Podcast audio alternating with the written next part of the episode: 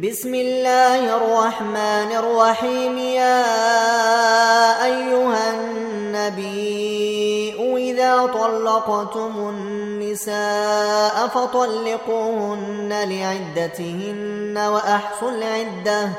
واتقوا الله ربكم لا تخرجوهن من بيوتهن ولا يخرجن إلا أن ياتين بفاحشة مبينة وتلك حدود الله ومن يتعد حدود الله فقد ظلم نفسه.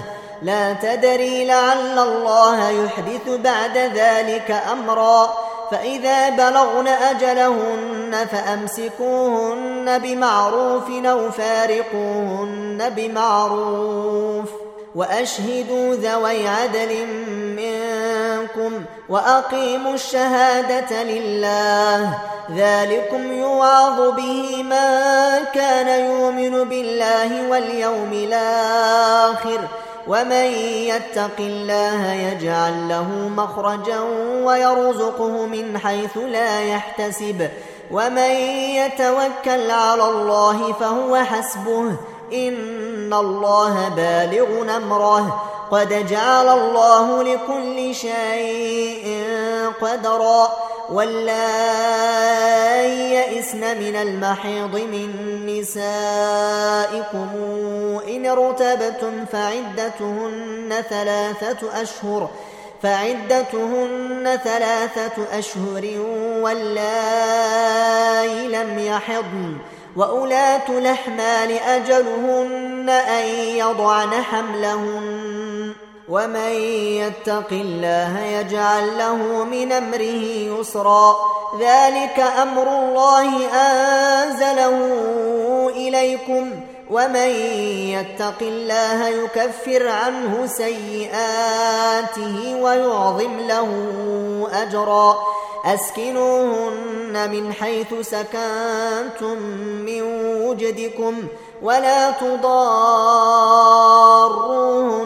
لتضيقوا عليهن وإن كن أولات حمل فأنفقوا عليهن حتى يضعن حملهن. فإن أرضعن لكم فآتوهن أجورهن واتمروا بينكم بمعروف. وإن تعاصرتم فسترضع له أخرى. لينفق ذو سعة من سعته وما قدر عليه رزقه فلينفق مما آتاه الله.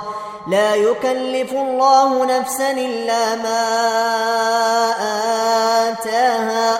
سيجعل الله بعد عسر يسرا وكأي من قرية عاتت عن أمر ربها ورسله فحاسبناها حسابا شديدا فحاسبناها حسابا شديدا وعذبناها عذابا نكرا فذاقت وبال أمرها وكان عاقبة أمرها خسرا أعد الله لهم عذابا شديدا.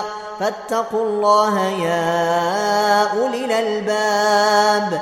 الذين آمنوا قد أنزل الله إليكم ذكرا. رسولا يتلو عليكم آيات الله مبينات ليخرج الذين آمنوا وعملوا الصالحات من الظلمات إلى النور.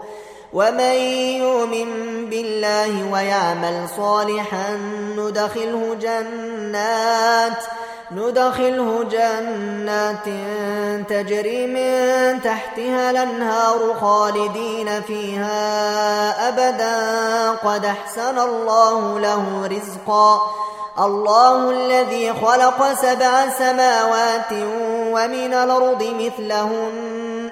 يتنزل الأمر بينهن لتعلموا أن الله على كل شيء قدير وأن الله قد حاط بكل شيء علما.